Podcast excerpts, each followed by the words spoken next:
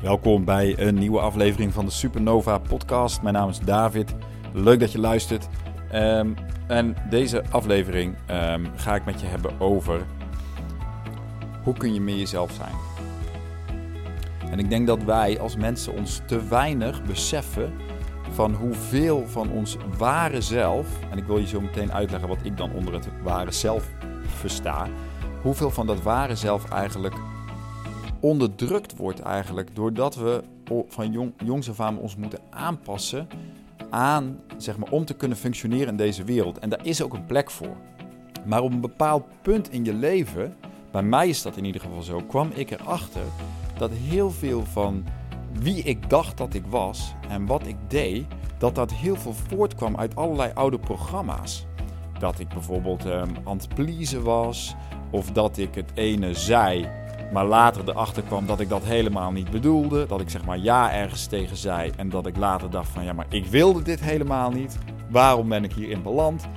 Um, of dat ik er um, ergens in meeging waarvan ik achteraf dacht van ja, maar dit klopt helemaal niet bij me.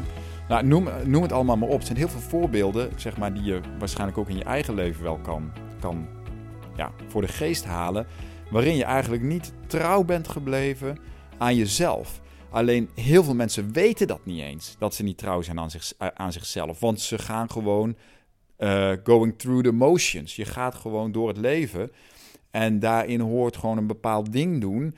En, maar moet je eens nagaan. Ik denk dan wel eens van hoeveel van alle frustratie en boosheid en allerlei emoties, zeg maar, van noem het ook depressie, noem maar op, komen eigenlijk voort uit het feit dat we eigenlijk niet onszelf zijn. Ik denk, of niet kunnen zijn. Of het gevoel hebben dat je dat niet kunt zijn. Want het is ook nog wel ja, heel begrijpelijk, zeg maar, dat het niet zo makkelijk is, afhankelijk van ja, wie je bent, wat jou, hoe je in elkaar zit qua emoties en gedachten, om echt jezelf te kunnen zijn.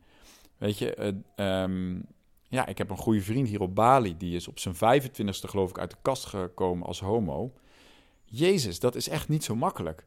Um, en dat is maar één voorbeeldje. Maar het grappige is, ik kan op een bepaalde manier met hem resoneren, omdat ik het idee van uit de kast komen heel goed herken. En ik denk dat iedereen die in een bepaalde. Ik kom zelf uit een vrij, een heel ja, streng christelijk milieu, waar ook een, op, waarvan ik wist van ik moet me op een bepaalde manier gedragen en geloven, want dan is er liefde, dan is er acceptatie. En om te erkennen dat dat zo was, dat is best wel een grote stap. Uh, want er zijn natuurlijk, we praten heel veel dingen goed, weet je, over ons leven. We praten heel veel dingen, ja, um, om onze ouders te beschermen of onze familie of geschiedenis, noem het allemaal maar op. Maar in de basis komt het erop neer van, ja, wie jij in essentie en in wezen bent, was daar ruimte voor. Het is ook een van de redenen, denk ik, als ik daaraan terugdenk, waarom wij onze kinderen uit school hebben gehaald. Misschien omdat het voor Trientje en voor mij allebei een heel thema is om, zeg maar, in ons eigen onszelf te worden of om vanuit onze essentie zeg maar te gaan leven. En dat we echt voelden van ja, wij willen dat onze kinderen van jonge leeftijd eigenlijk meegeven. Of we daar succesvol in gaan zijn, dat moeten we nog meemaken. Maar wat ik wel zie is dus dat um, school, uh, groepsdruk, dat het allemaal heel veel invloed heeft. Dat zie je bij tieners en kinderen op hoe, hoe, hoe ze zich ontwikkelen. Weet je, dus we hebben allerlei systemen die we gebouwd hebben die ervoor moeten zorgen ook dat je natuurlijk een goede burger wordt. Nou, je moet wat je wil worden later wat voor werk je gaat doen. En als je vader een arts was, nou, dan word je ook een arts. Weet je, dat is nog steeds, weet je, dat is echt nog steeds aan de orde van de dag.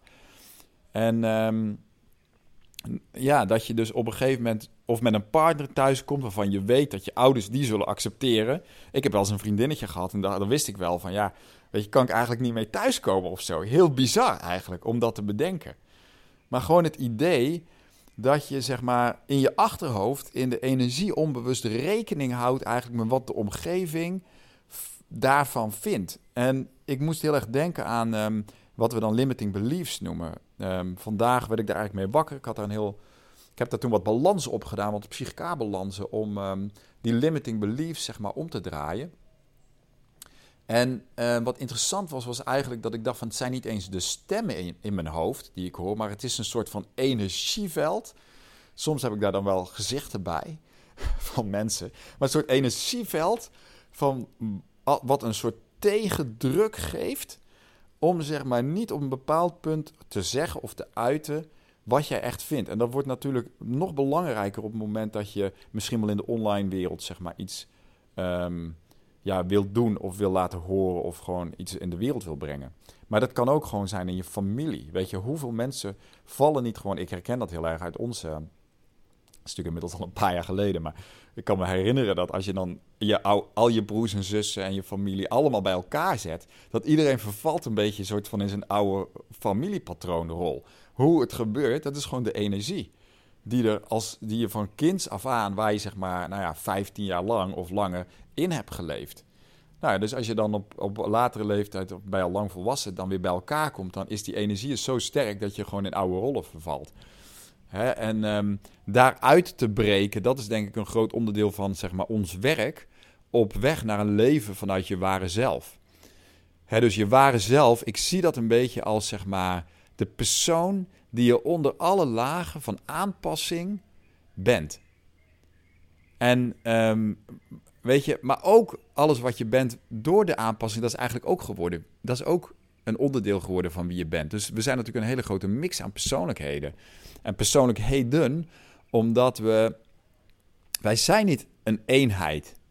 Weet je, Tiel Zwaan zegt daar, vind ik heel prachtig wat zij erover zegt. Wij zijn niet een eenheid, wij zijn heel veel delen. We hebben eigenlijk allemaal meerdere persoonlijkheden in ons, die, um, ja, die het, soms wordt die ene persoonlijkheid wat meer zichtbaar en soms die andere.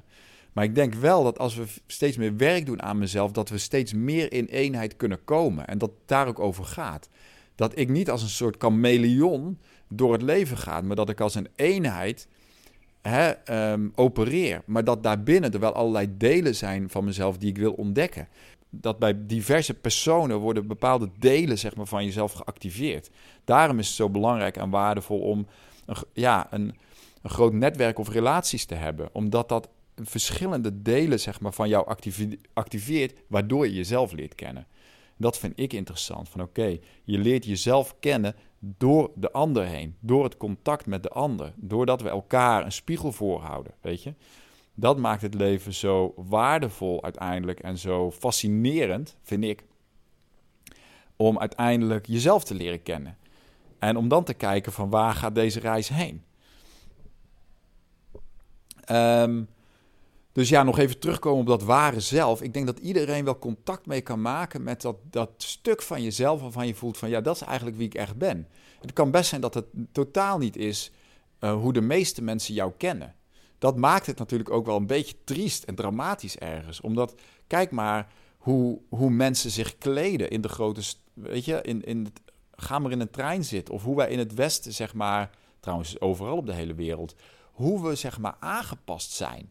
Ik bedoel, een van de rijkdommen zeg maar, van mijn leven op dit moment is de hoeveelheid, veelkleurigheid van de mensen die ik hier ken, van mijn vriendschapskring, zeg maar. Er zijn de meest ja, veelkleurige mensen, die hebben echt het de pad naar zichzelf gevonden. En ik vind dat fascinerend. En waarom krijg ik die mensen in mijn film? Waarschijnlijk omdat het ook mijn pad is. Om steeds meer te gaan ontdekken. hey, ja, wie ben ik? En ik, ik wil je dat meegeven, omdat ja, ik kan alleen maar delen vanuit mijn eigen leven. Waarschijnlijk omdat jij ook op dat pad bent van jezelf worden en jezelf ontdekken en vinden en dat zeg maar te gaan leven.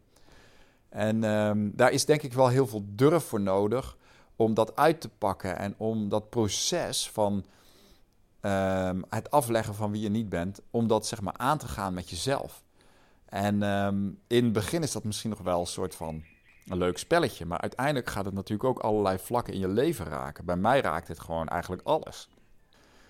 Um, dus ja, wat kan ik daar nog meer over zeggen? Ik denk wel wat, wat in mijn leven een enorm uh, verschil maakt, en ik heb het al eerder genoemd, dat, daarom werk ik er ook mee met klanten, is human design. En human design is echt next level. Weet je, mensen denken soms van ja, een soort van persoonlijkheidstest hè, die je dan neemt, maar het is verre van dat. Human design is in de wereld gekomen op een hele bizarre manier. De man die, dat in de, die eigenlijk de eerste leerling van Human Design was, die heeft acht dagen lang in een. is op Ibiza gebeurd. Er is een, een encounter with the voice. Die man die heeft acht dagen lang zeg maar, contact gehad met een andere dimensie. En die hebben dat hele systeem aan hem doorgegeven. Human Design is niet opgezet door psychologen of door mensen die dan allerlei modelletjes in elkaar flansen om erachter te komen hoe je psychologisch zeg maar, in elkaar zit. Human design is informatie vanuit een hogere dimensie over het wezen en de aard van hoe jij mechanisch, biologisch in elkaar zit en hoe je in deze vehicle, je lichaam, door het leven moet gaan en hoe je het leven zich als een film aan je kan ontvouwen op het moment dat je op een correcte manier beslissingen neemt.